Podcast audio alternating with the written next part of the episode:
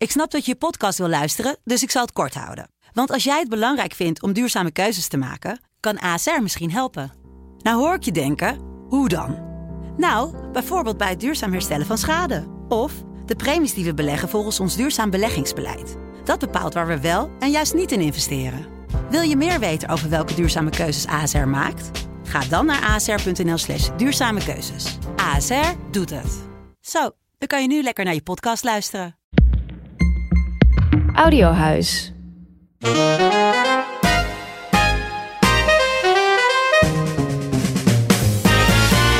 Dit is Bonte Was Podcast. Uw favoriete wasprogramma over mediamissers en opstekers. Ik ben Wancy Muller. En ik ben Sui Papa Economo. We hebben een hele fijne zomerstop gehad, maar we zijn blij om weer wasjes te gaan draaien. Laten we elkaar eens even lekker ongevraagd op de bek pakken, want dat is blijkbaar heel gewoon tegenwoordig, Zoe. Wij collega's doen dat. Ja. Olé! Hoe was jouw zomer, Wansi? Ja, heel lekker. Ik ben naar Suriname geweest, voor het eerst in zeven jaar. Wauw. Ja, ja, en het was eh, bijna drie weken, dus natuurlijk te kort, maar... eh, Ja, als je heel lang op vakantie gaat, dan is het altijd weer heel moeilijk om op te starten. Dus het was net goed. Eh, en het was gewoon heel fijn om daar weer even te zijn.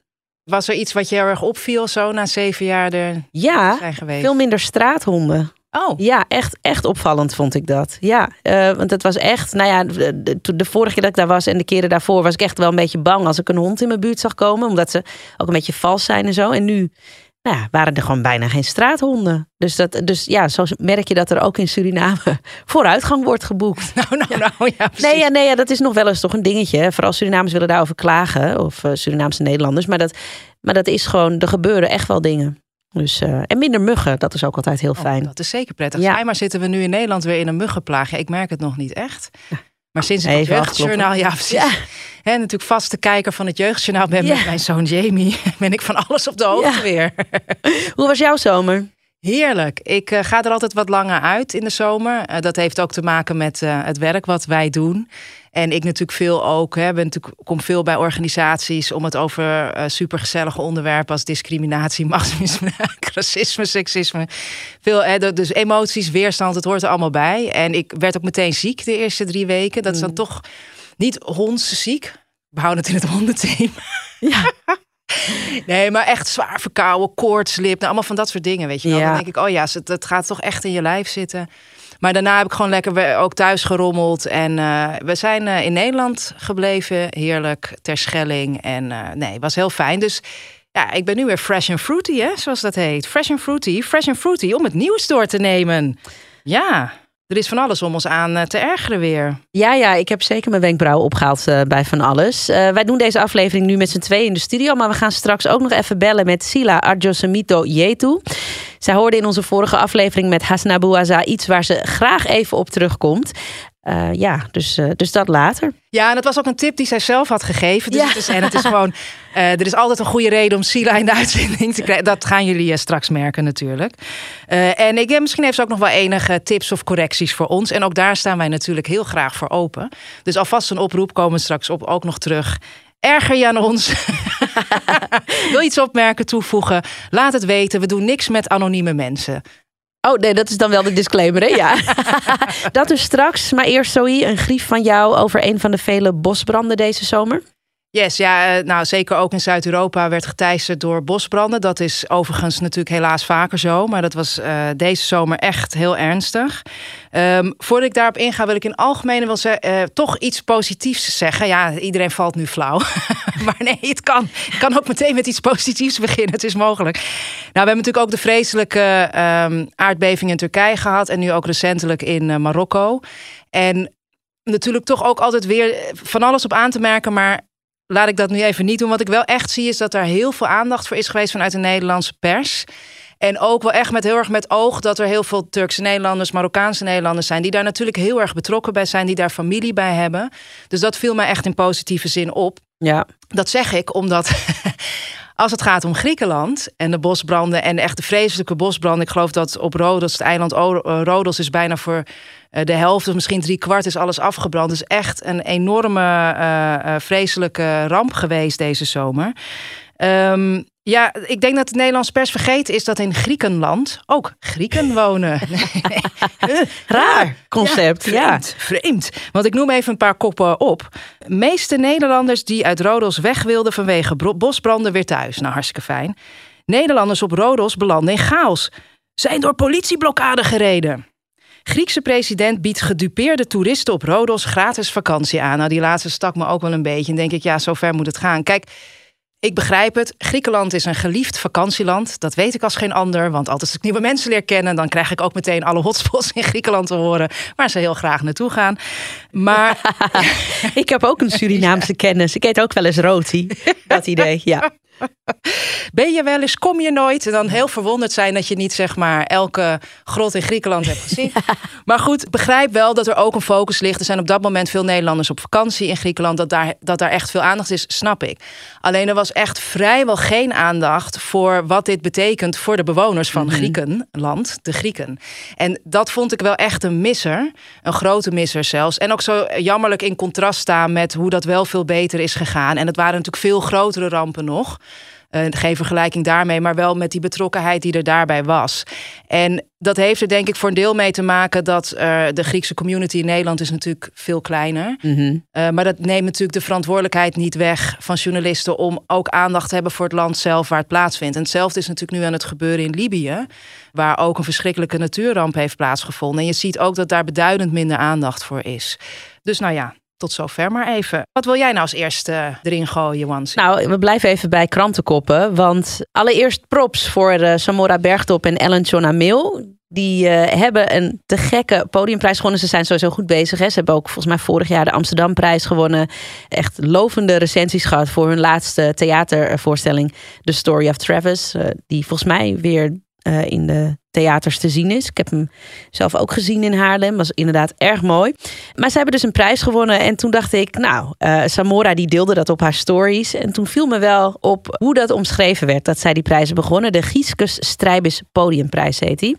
Nou, ik ga gewoon even wat koppen af. Nu.nl die heeft het bijvoorbeeld over Steve de Jong en Wellmade Productions. Winnaars Gieskus Strijbis Podiumprijs.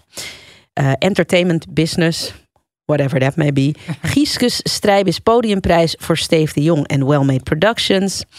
Dan heb je het NRC, ehm, productiebureau Wellmade Productions en theatermaker Steve de Jong, winnaars van nou, die prijs. Dan uh, gaan we eventjes door naar nou, theater.nl, die heeft het over dit zijn de winnaars van. Hè? Een soort van, uh, geen spoiler. En dan de Volkskrant. Gieske Strijbes Podiumprijs 2023 gaat naar operettetheater en zwart theaterrepertoire. Ah, natuurlijk, ja. En dan wil ik toch nog even die van de Telegraaf noemen. In de kop, Steef de Jong wint podiumprijs. Ja, natuurlijk. Ja, ja, ja, ja, ja. En dan wel in de eerste zin hè, dat uh, creatief productiebureau Wellmade Productions ook die prijs heeft gewonnen. Maar ja, wat ik wel typisch. van ze.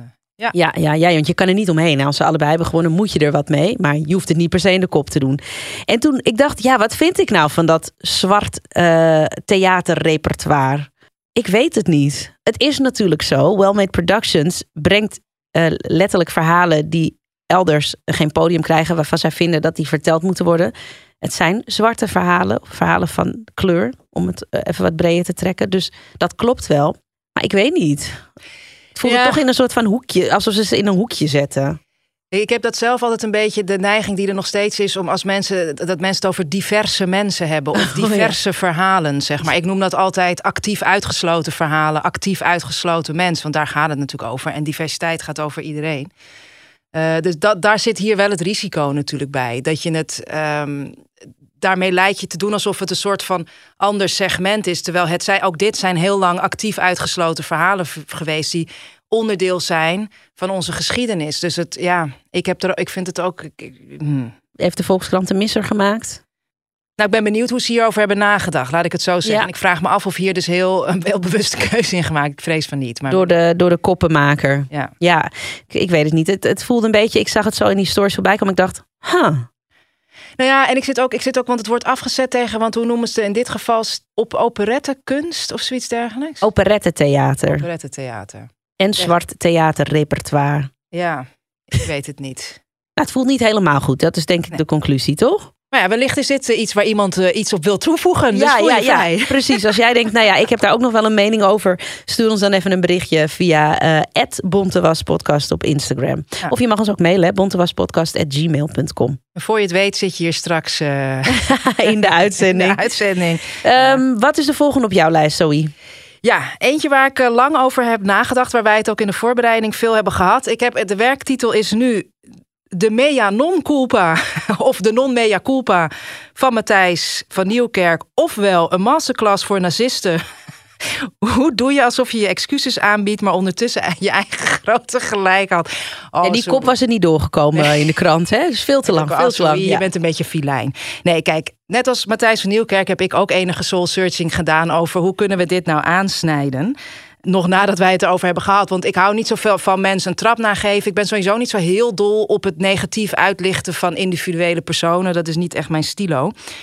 De reden dat ik het wel graag wil bespreken met je is omdat ik eh, voor mij staat Matthijs van Nieuwkerk en die redactiecultuur gewoon symbool voor heel veel media. En daarom vind ik het wel heel erg belangrijk om het erover te hebben. Er, er lopen heel veel, ja, ik noem het, eh, ik heb het wel eens de huftercultuur genoemd en hufters. En ook gezegd, hè, in de media creëren we hufters ook. Ik denk ook dat er een bepaald type mens, ego-mens is, dat graag dit soort posities bekleedt. Dus daar begint het natuurlijk mee. Eh, noem het een narcist, noem het iemand die veel van zichzelf houdt in iets extremere vorm. Uh, maar dat wordt ook nog eens lekker gepamperd door hoe die mediacultuur in elkaar zit. Nou ja, goed. Veel luisteraars zullen misschien het interview hebben gezien hè, van NRC. Daar kon je natuurlijk op wachten. Op een gegeven moment ging er ergens een interview met hem komen. waarin hij gaat reflecteren op wat er allemaal is gebeurd. op wat er naar buiten is gekomen. en hoe hij daarmee om is gegaan. Daar heb ik op zichzelf, daar ben misschien mijn eerste vraag. Ja, kijk, ik heb daar helemaal geen moeite aan. Ik denk dat het interessant is. Ik denk dat het ook goed is om nu te horen hoe blikt hij hierop terug. En, en dat daar ook natuurlijk veel ruimte aan wordt gegeven. Wat denk jij? Ja, prima. Ik was wel nieuwsgierig. Ja, toch? toch? Ja. Nou, dan is het natuurlijk al interessant, want dat is, staat er wel als soort van disclaimer onderaan het interview staat hoe het tot stand komt. Hè? Dat is een heel bekend gegeven in, in ieder geval de mediawereld dat Matthijs van Nieuwkerk zich alleen per e-mail laat interviewen, waarover hij zelf zegt. Is ook iets voor te zeggen, hè, dat hij dan wat rustiger over antwoorden kan nadenken. En ik heb zelf ook recentelijk weer een aantal keer interviews meegemaakt. waarin ik er toch echt grof met de rode pen doorheen moest. Mhm. omdat er zoveel fouten in stonden. Of, of vooral dingen verkeerd in context waren geplaatst. Dus ergens snap ik dat ook wel. Maar dat is in dit geval natuurlijk, eh, dat kan je gewoon niet maken.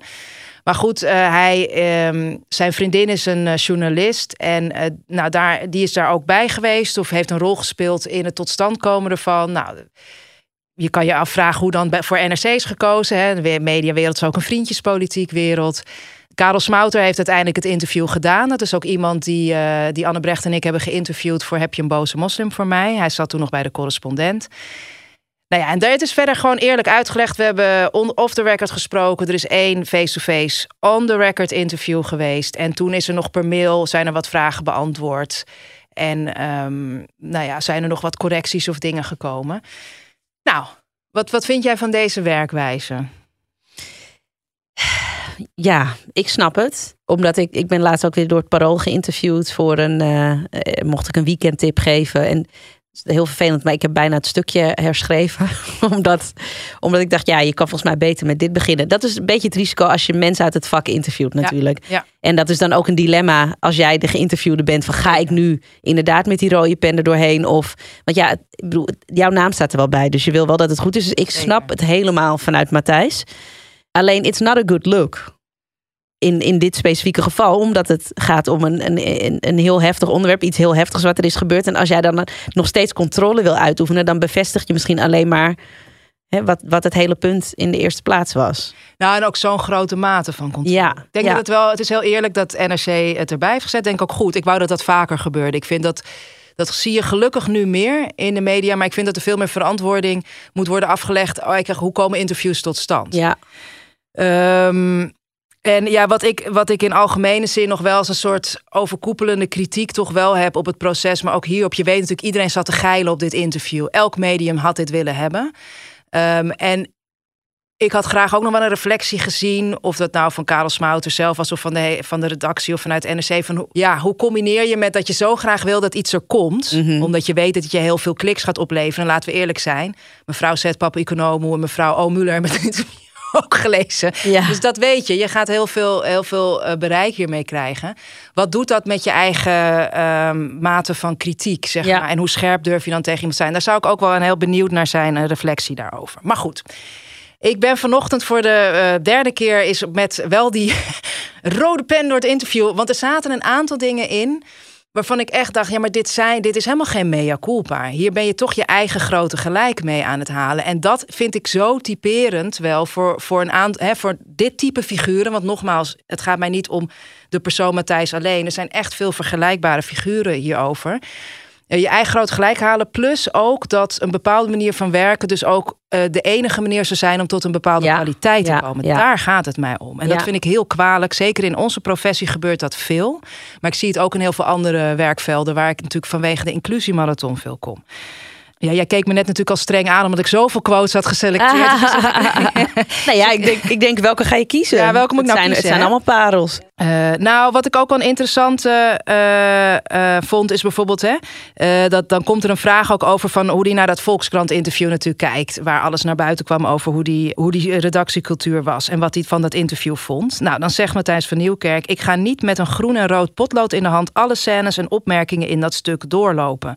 Dat is onnodige stilstand. We moeten vooruit en zorgen dat iets als een angstcultuur, zoals beschreven in de Volkskrant, niet meer voorkomt. Nou, is op zich hartstikke, hè, dat, dat klinkt heel mooi en vriendelijk. Ik, ik, ik beschrijf deze alvast omdat het ook heel erg erom gaat van... dat is weer dit moment gaat hij heel erg inzetten als... daar moeten we dan maar het beste van maken. Dit is eigenlijk nu een uniek moment in de mediahistorie... wat er dan voor gaat zorgen dat alles gaat veranderen. En dat zie je vaak ook, dat is een heel, vind ik, narcistische trek van... dan is uiteindelijk, dus jij hebt echt nare shit gedaan... Laten we dat niet vergeten. Want de kop van het stuk was ook... eh, eh, waarom was ik soms zo'n vre- vreselijke lul? Soms! Weet je wel? En, en, en eh, niet, alleen- het gaat niet alleen om die uitbarstingen. Mensen durfden helemaal niks tegen je te zeggen, heel veel mensen. Dat is niet soms. Ja, Dus het is ook nog een moment waar jij... nee, niet een moment. Bijna twee decennia dat je je vreselijk hebt gedragen. Dat gaat dan nu zorgen... voordat wij met z'n allen in de toekomst... Snap je me? ja. Ben ik te streng? Mag je het ook? Nee hoor, nee hoor. Nou ja, misschien vindt iemand die nu luistert wel dat je te streng bent. Laat het even weten. In de Ja, ja, ja toch? Nee, kijk, want ik ga er even op door. Dan zegt hij, je gaat in je hoofd terug in die 15 jaar. En dan wist ik echt wel dat ik af en toe, puntje, puntje, puntje. Ik was altijd streng. Er was altijd druk op de ketel. Misschien veel meer dan bij andere programma's. Hè, zo van, kijk eens hoe van, hè, Ja. wij waren zo geweldig. Dat wil ik echt wel geloven. Ik wist van sommige confrontaties en ik dacht daarbij, dat was niet goed. Lelijk van mijn kant. Echt iets om me voor te schamen. Daar heb ik ook spijt over betuigd. Wanneer, Matthijs, heb je daar spijt over betuigd? Destijds, toen het gebeurde, zodat we toen al die angstcultuur achter ons konden laten? Of nu? Precies. Ja, Maar ook het toch willen afzwakken. ja. Eh, en Ja. ook hier zie je weer dat kwaliteitsaspect. Hè? En ook bijna eigenlijk nog misschien wel meer dan bij andere programma's. ja. Het is bijna alsof hij toch ondertussen er nog over zit te pochen. En dat zal hij denk ik op, oprecht niet zo voelen op dat moment dat hij het zegt. Maar dit is waarom ik het toch zo belangrijk vind om het hierover te hebben. Er zit continu een subtiele lijn in het hele interview van... Maar dit programma was wel zo fantastisch goed. Dat vind ik, het, iedereen vindt ook maar dat het fantastisch goed is. Vind ik ook zoiets. Ik vond het helemaal niet fantastisch goed de hele tijd. Ja, kom op zeg. Het is een hartstikke wit programma ook. Heel homogeen. Heel elite. En ik, het is hartstikke fantastisch dat ze zoveel kijkers hadden. Ik snap dat daar veel aan wordt afgemeten. Maar kom op, zeg maar. Alsof ze Ja. het meest briljante aller tijden ooit mega hebben gemaakt. Jeetje. Maar dat eigenlijk de conclusie is dat als je zo'n succesvol programma wil maken, dan is dit nou eenmaal wat erbij hoort. Dan doen Ja. mensen wel eens lelijk. Dan moet je heel hard werken. Ja, en dan ook deze. Maar goed, nu schiet ik misschien door. Maar dan moet je even tegen me zeggen. Eh, dan staat er dus geëmotioneerd, dubbele punt. En dan gaat hij dus weer aan eh, praten. En ja, dan schaam je je helemaal kapot. Ik wist niet dat het voor sommige mensen zo ernstig was. En dat spijt me ontzettend. En, maar dit, dit is projectie, denk ik. Maar daar voel ik toch in. Sommige mensen konden er dus toch niet zo goed tegen. Ja, Want anderen wel. Ja, Want ook dat ja. wordt meerdere keren herhaald. Er waren ook mensen die een fantastische tijd hebben gehad. We hebben toch zoiets fantastisch neergehad. Dan denk ik, ja. En ik herken, ik, ik, ik weet dat ik projecteer omdat ik dit vaak ook heb meegemaakt. Ik, ik heb, ehm, je wordt snel weggezet als toch zwak. Of een ja, beetje van, een ja dan ben jij toch niet helemaal geschikt hiervoor. niet Ja, geschikt voor het vak. En Ja. dat is heel pijnlijk. Want zo heb ik, het is voor mij reden geweest om een ander pad volgen naar een van de. Maar dat geldt voor meerdere mensen. ja. Volgende. Ik heb in de dagen na het stuk in de Volkskrant onze productieleider gebeld met de vraag waarom ik niet wist van het hoge aantal burn-outs. Die wist het ook niet. Ik heb in mijn herinnering lang geleden, denk ik, één keer een gesprek met personeelszaken gehad waarin mij werd verteld dat het verloop bij ons programma hoog was. Dat is ook zorgelijk, maar over burn-outs ging het niet. Jij weet toch wel met wie je werkt? Ja, maar ik denk, wat moet je hiermee? het is gewoon. eh, ehm, het laat dus ook zien hoe ontzettend je met jezelf bezig bent.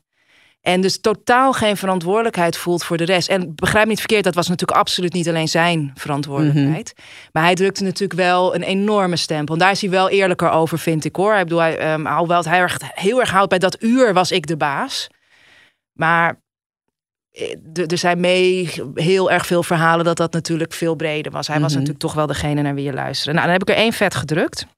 Er was natuurlijk al vaker geschreven over ons programma. Dat het, laat ik het zomaar zeggen, bij ons een pittige arena was. Dat het geen wandeling in het park was om bij ons te werken. Ook dit weer. Hè? Uh, nou, dan even een klein stukje eruit. Uh, dan had je het daar de volgende morgen even over. En dan ging je daarna eerlijk gezegd weer over tot de orde van de dag. Ook de lezers van de Volkskrant kregen dat al in 2015 te lezen. Die verhalen maakten eigenlijk nauwelijks iets los. Ik denk, hoe weet jij dat? Maar oké. Maar er is nu een nieuwe morele maatstaf bijgekomen om dit soort situaties te meten. Die van grensoverschrijdend gedrag. Ja, ik weet niet in welke jaar de heer Matthijs van Nieuwkerken heeft en in welke bubbel. Maar goed. Het is nooit oké geweest om tegen mensen te schreeuwen. Bij mij weten. Ja, ja, ja. ja. ja dit, maar dit is een beetje hetzelfde argument als... Uh, ja, tegenwoordig mag je niks meer zeggen. Uh, hè, alles wordt maar racisme genoemd. Uh, nee, iemand vroeger Zwarte Piet noemen was ook racisme. Alleen heeft diegene nu de ballen om je erop aan te spreken. Precies. En er werd toen gewoon ook naar heel veel mensen niet geluisterd. Dat is ja. iets anders. En dan voeg ik daar nog aan toe, want dan vervolgt hij nog... Inmiddels zeg ik het, fijn, het is goed dat dit gesprek voert. Nou, bedankt. Over omgangsvormen op de werkvloer. Al is het pijnlijk dat de situatie bij DWDD daar de aanleiding voor is. Nee, dat is de aanleiding niet. Want ook hier zie je weer van. En, ik, en, laat ik nu iets minder aan zijn. Ik snap ergens wel dat je op zoek bent naar kan het ook nog iets goeds betekenen. Dus die snap ik heel goed. En, en ik denk dat het eraan bijdraagt. Maar het is niet de eerste. Ja. Er wordt hier al langer over gesproken. En als je dan recent wil gaan een wedstrijdje gaan doen, dan is het altijd nog de Voice.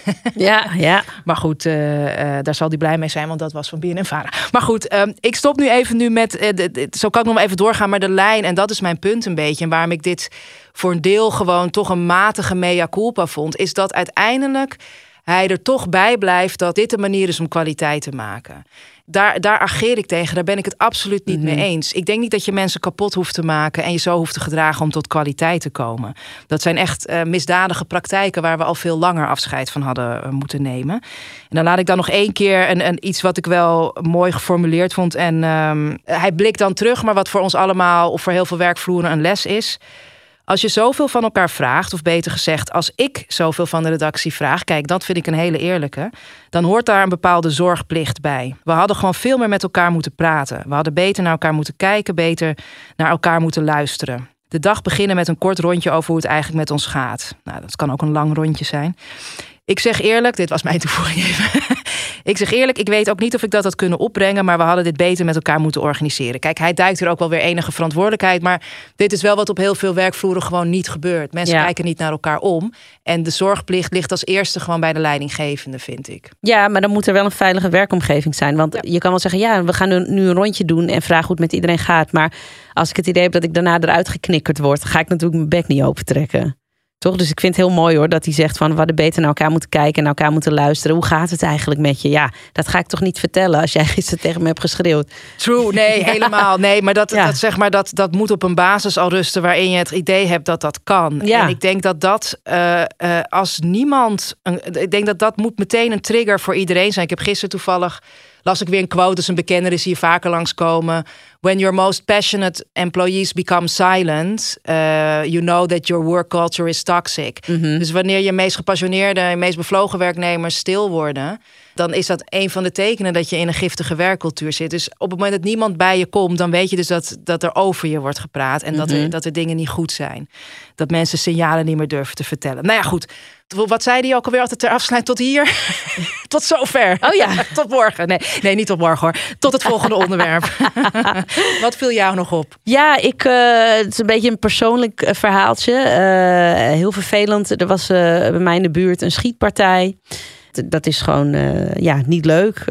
ik ga dan altijd meteen als ik een, een, ambulance hoor of, of wat dan ook, dan ga ik even op de politiescanner kijken wat er aan de hand is. Ik heb op Twitter nog iets gevonden over dat er blijkbaar twee uh, verslaafde mensen ruzie kregen. En ik hoorde wel wat hoor. Ik was yoga aan het doen en ik hoorde. Ik, ik denk, nou ja, zou het pistolen zijn? Nou ja, dat was uiteindelijk dus wel zo. Maar ik dacht, nou, zal wel niet. Nou, was wel zo. Dag daarna kom ik s'avonds van het werk thuis. Staat daar een meisje met een 112 vandaag microfoon.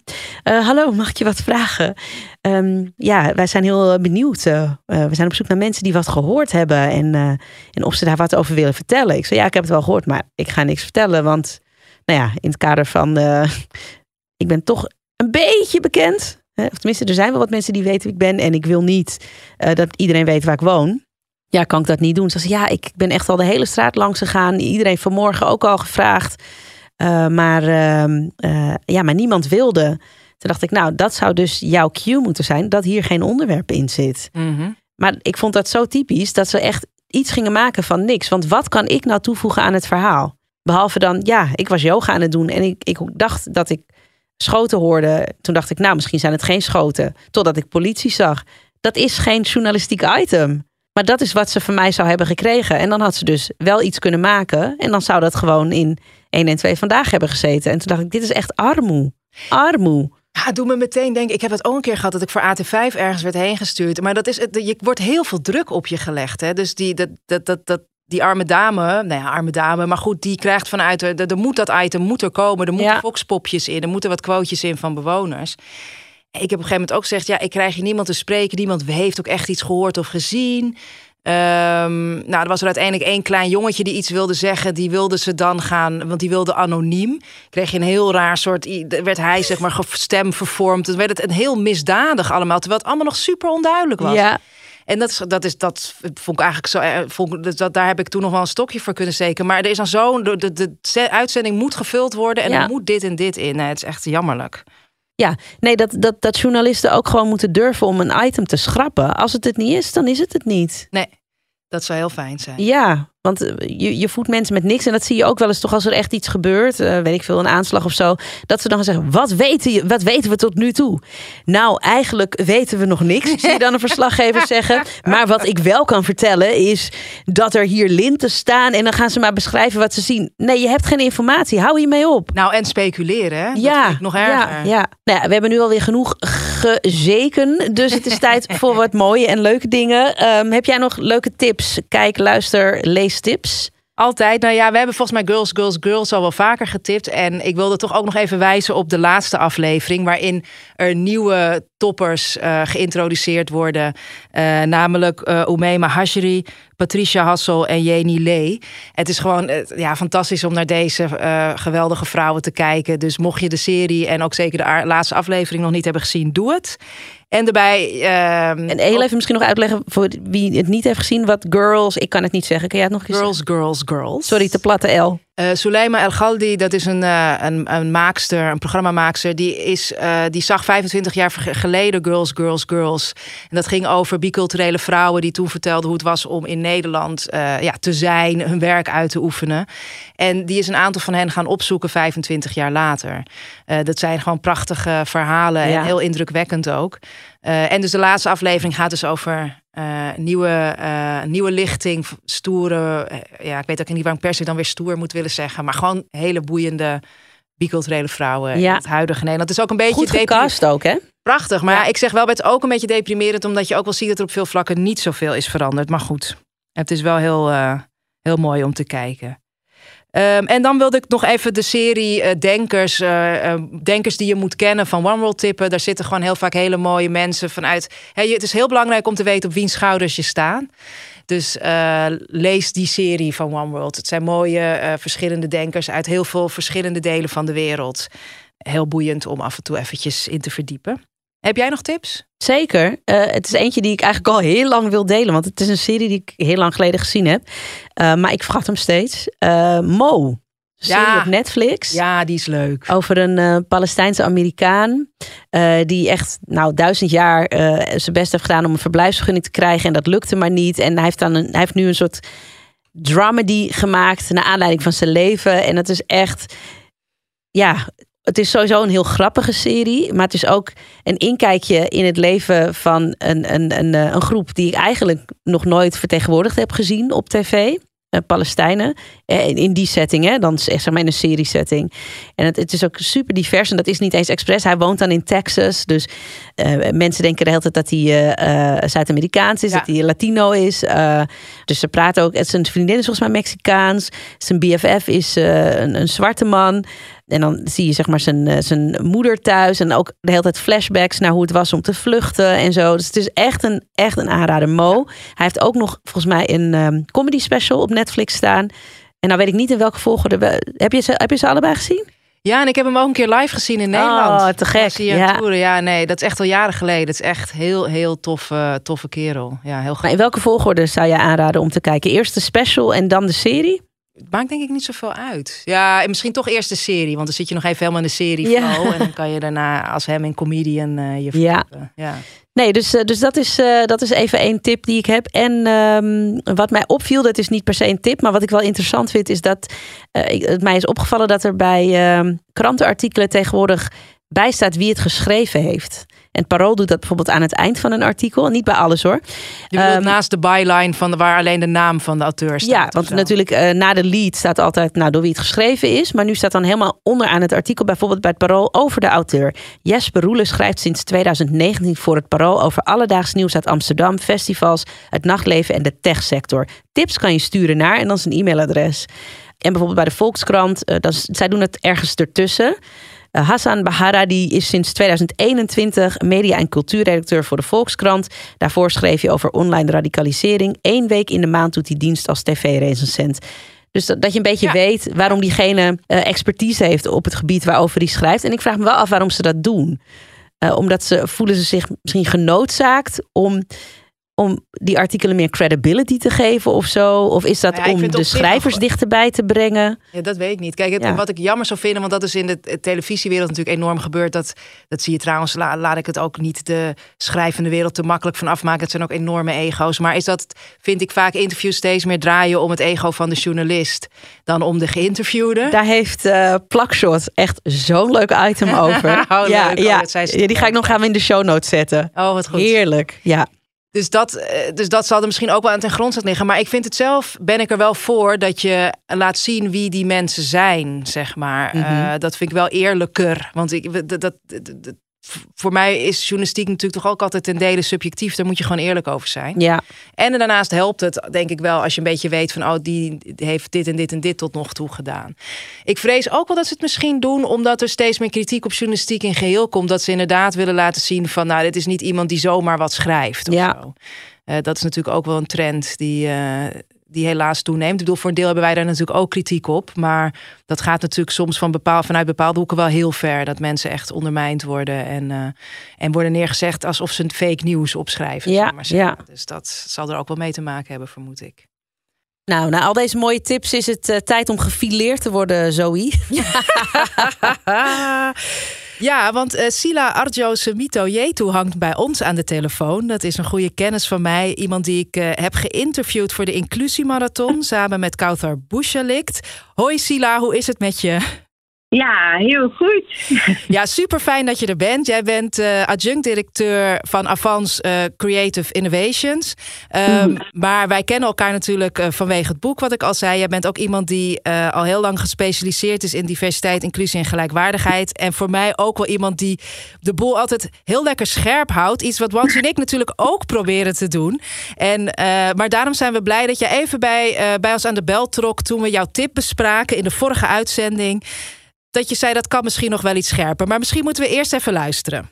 Ja, laten we even luisteren naar een fragment uit eh, onze vorige aflevering. Er is een tip van een uh, kennis van mij, Sila. Uh, die stuurde mij een stuk toe van het Parool. En dat ging over de aftrap van de Kitty Kotti maand. Prima stuk over de aftrap daarvan. En, um, um, maar ja, zij had dat ook echt omcirkeld. Zo stuurde ze me op. Zij viel over bepaalde frases. Ik zal er één noemen. En ik snapte dat wel een beetje. Uh, daar stond het bijvoorbeeld, waren ook veel vrouwen uitgedost in traditionele kledij. Um, dan ga ik toch eerst naar jou kijken, Hans. Ja, ja, ja. Ik denk dat de auteur heeft gedacht: ik ben een reportage aan het schrijven en ik beschrijf nu gewoon wat ik zie. Maar wat hij beschrijft, ja, want ik weet wel precies wat hij bedoelt. Hij bedoelt uh, vrouwen in kotto. En misschien dat hij dan denkt: als ik dat zeg, uh, dan weet niemand waar ik het over heb. Dus dan, hè, net als men is Marokkaanse pannenkoek. Uh, of Rotti is Surinaamse pannenkoek. Ja, hè, laten, we het maar, ja, hè, laten we het maar lekker vernederlandsen. Dat is eigenlijk wat hij hier heeft gedaan. En ik weet niet, ik las het en ik stoorde me er niet zo aan. Um, maar ik kan me wel voorstellen dat, dat, het, dat je daarmee inderdaad weer doet alsof het bijzonder. Ja, nou ja, oké, nee. Ja, nee. Het is ook, nee, nee, want dat moet ik zeggen. Het is ook bijzonder. In ja. Suriname loopt niet iedereen elke dag in een kotto. Dat doe je op, op fe tijdens feestelijke gelegenheden. Het komt natuurlijk ook uit de slavernij. Het was echt bedoeld, uh, een, een kotto is dus een, een, Surinaamse jurk. En daar hoort dan ja. een, een, jakje bij. En dat is ook echt bedacht uh, om, zeg maar, uh, de tot slaafgemaakte vrouwen, zeg maar, die mochten hun vormen niet laten zien. Dus het is echt, ja, heel wijd, wijde kleding. En er zaten in die hoofddoeken, Anissa, zaten ook allemaal boodschappen waarin vrouwen dat aan elkaar doorgeven. Dus er zit heel veel lading achter. En daarom snap ik ook dat mensen dat droegen tijdens die, uh, die aftrap. Dus het is, niet, het is ook niet gewone kleding. Nee, ja, ik denk voor mij zit het hem toch een beetje in het woord traditioneel of zo. Dat, dat, terwijl daar is niet per se, ook met het woord traditie of traditioneel is niet per se iets mis. Maar dat is denk ik iets waar we geneigd zijn om dat voor, bepaalde groepen veel meer te gebruiken. En dat vind ik wel interessant. Ik was toevallig, uh, ik gaf onlangs een workshop en ik doe dan ook altijd een bepaalde oefening met de groep. En dan moeten mensen zich op een bepaalde manier voorstellen. En uh, toen omschreef iemand zichzelf als dragende klassieke kleding. Vond ik ook zo interessant. Wat zij gewoon bedoelde was ja, ik denk een beetje Frans of zo. Ja, ik bedoel, denk, wat is klassieke kleding? Ja. Dus het heeft bij mij ook een beetje te maken uh, met wat... Welke waarden je waren ja, echt. Waar, welke waarden weg je... En, en, dus ik voelde hem wel een beetje. Voel jij Hmm. hem, Hasna, of denk je, nou, valt mee? Um, nou ja, goed, ik, ik weet wie het geschreven heeft. En uh, dat maakt ook dat ik er veel milder over ben. Oh, ja, ik, interessant. Ja, waar, waar dat ik helpt ook, wel. Ja, waar, want waar ik ook aan zit te denken is... Um, wat misschien ook wel goed is om te zeggen, want we zijn heel kritisch geweest. En ik denk dat er zijn ook heel veel medestanders die ik afgeschrikt zie worden door um, mensen die zich toch progressief noemen. En omdat ze bijvoorbeeld wit zijn en net het verkeerde woordje zeggen. Ja. Of uh, moeten ze mond houden omdat ze wit zijn. En ik denk, dat is een van de dingen waar ik me het meest aan stoor. Omdat we zijn al zwak. En ik wil niets liever dan witte medestanders. Zeker, je hebt We hebben gelijk. elkaar nodig ja. en we houden van elkaar. En dus ik denk dat we soms ook gewoon mild mogen zijn. Ja. En mensen, als ze een misstap begaan, gewoon laten gaan. Nou ja, we moeten dus lief zijn voor onze bondgenoten, Sila. Ja, nou, aan de ene kant natuurlijk mee eens. Dat is hartstikke goed. Maar we hebben inderdaad medestanders nodig als je dit soort vraagstukken hebt. Maar die medestanders die hou ik wel graag aan, uh, aan wat hogere standaard. ja, ik ja. moest, nou, wat, nog even als toevoeging. Ik appte jou natuurlijk, Sila, van nou, we hebben het er in Bonte was over gehad. En uh, toen ja. kreeg ik echt zo'n appje, dacht, hmm, nou ja, niet zo. ik hoor, ik hoor hmm. nee, toen je dat ook zei, dacht ik, nee, we zijn te aardig. Ja, nee, voor mij gaat het ook niet over aardig zijn. Want je kan best wel vragen stellen. Want als iemand echt een medestander wil zijn, dan wil hij daar ook naar luisteren. En dan ja. ook zelf nadenken. Want ik denk dat dat de uitnodiging is. Ben je medestander? Heel fijn. Fijn dat je met ons meedenkt over de vraagstukken die we in het alledaagse continu tegenkomen. En zeker als je een pen in de hand hebt en dus ook op die manier invloed uitoefent, is het gewoon goed om zorgvuldig je woorden te kiezen. En ik snap dat je als medestander heel, dat het heel vermoeiend is om op alles te moeten letten. Dat begrijp ik heel goed. Maar goed.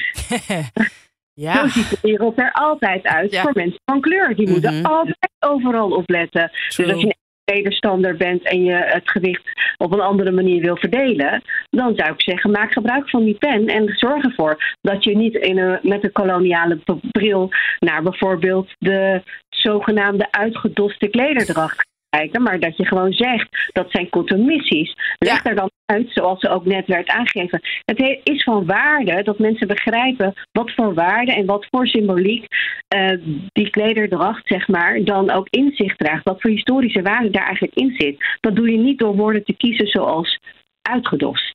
Om, om daar toch nog even op in te haken. Ik ben inmiddels ook wat wijzer over de kotto. ik heb namelijk begrepen dat die pas is geïntroduceerd in Suriname na de slavernij. Uh, daar is echt onderzoek naar gedaan. En het, het heeft dus helemaal niks te maken met dat uh, de, de, de, slavenmeesters of de slaven-eigenaren, de vrouwen daarvan, wilden dat slavinnen er niet uh, seksueel uitzagen. Dat, dat, ik heb begrepen dat dat echt een wijdverbreide misvatting is. Dus dat wil ik bij deze even rectificeren. Maar desalniettemin heeft het nog steeds historische waarde, culturele waarde. Ja. En, en die is, die is uh, uh, kijk, als wij, als wij het allemaal maar goed dunken dat er over van alles en nog wat en geëxotiseerd en ja. uh, gekoloniseerd wordt gesproken en geschreven in dit geval, dan hou je een bepaald beeld in stand. En daar gaat het mee om. Je hoeft dat beeld niet in stand te houden. Je hebt juist de kans om daar iets anders mee te doen, namelijk mensen mee te nemen in een ander historisch perspectief, wat gemiddelde Nederlander niet kent. Kijk, uh, wat ik aardig vond van Hasne vorige keer, dat ze zei van ja, ik ken diegene. Nou, ik ken de schrijver niet. Nee. Dus het doet niet met mijn beeldvorming. En laten we wel wezen, de meeste mensen die kennen die schrijver niet. Nee. Dus uh, wat voor beeld, ik, ik heb niet iets wat er tegenover staat wat het verzacht. Nee, ik vind dit echt een hele fijne toevoeging. Of, of nou ja, hoe, hoe het houdt ons scherp. Ja, dit houdt ons heel goed. Want dit is eigenlijk iets wat ik zelf ook wel vaak zeg. Ik vind nog inderdaad mensen die een publieke functie hebben, in dit geval journalist, mag je eigenlijk nog extra kritisch benaderen. Mhm. Dus ik, uh, ik ben heel blij dat je dat je dat ook jij ons zo eerlijk bent benaderd. ik ons kritisch benaderd. Want soms, ja, laten wij hem ook even vieren, zullen we maar zeggen. En wat ik ook wel mooi vond, want dat appte je mij. Toen dacht ik, en ik ben zo graag van de omdraaiingen, maar die appte jij mij nog door volgens mij van een kennis van jou die dit ook omdraaide als we zeggen nooit mannen uitgedost in pak. Weet je wel? Gewoon een man in pak, weet je wel. Ja. Denk, betekent dat dan in diezelfde context? Want in, in datzelfde stukje werd dat ook geschreven, hè, met uh, mannen in pak. Maar waarom zijn die dan niet uitgedost? Of waarom zit daar geen connotatie aan die ook tot de verbeelding spreekt met een uh, connotatie van, nou, whatever, wat je wil invullen. Hè? Wat zijn mannen? Zijn dat apenpakken? Whatever. You know? Dus, dus je kan van alles bedenken, uh, waardoor je het weer gelijkwaardig maakt. En, en zo is het niet een gelijkwaardige verdeling in die tekst, waardoor je toch een scheve beeldvorming krijgt in zo'n stukje tekst. Nog even los van de titel van de tekst, uh, met het zeuren in de titel van de tekst. Nou ja, goed. Uh, ik denk, gebruik je pen wat verstandiger en zorg dat je dan, als je toch een airline bent, dat je jezelf ook aan hogere standaarden houdt.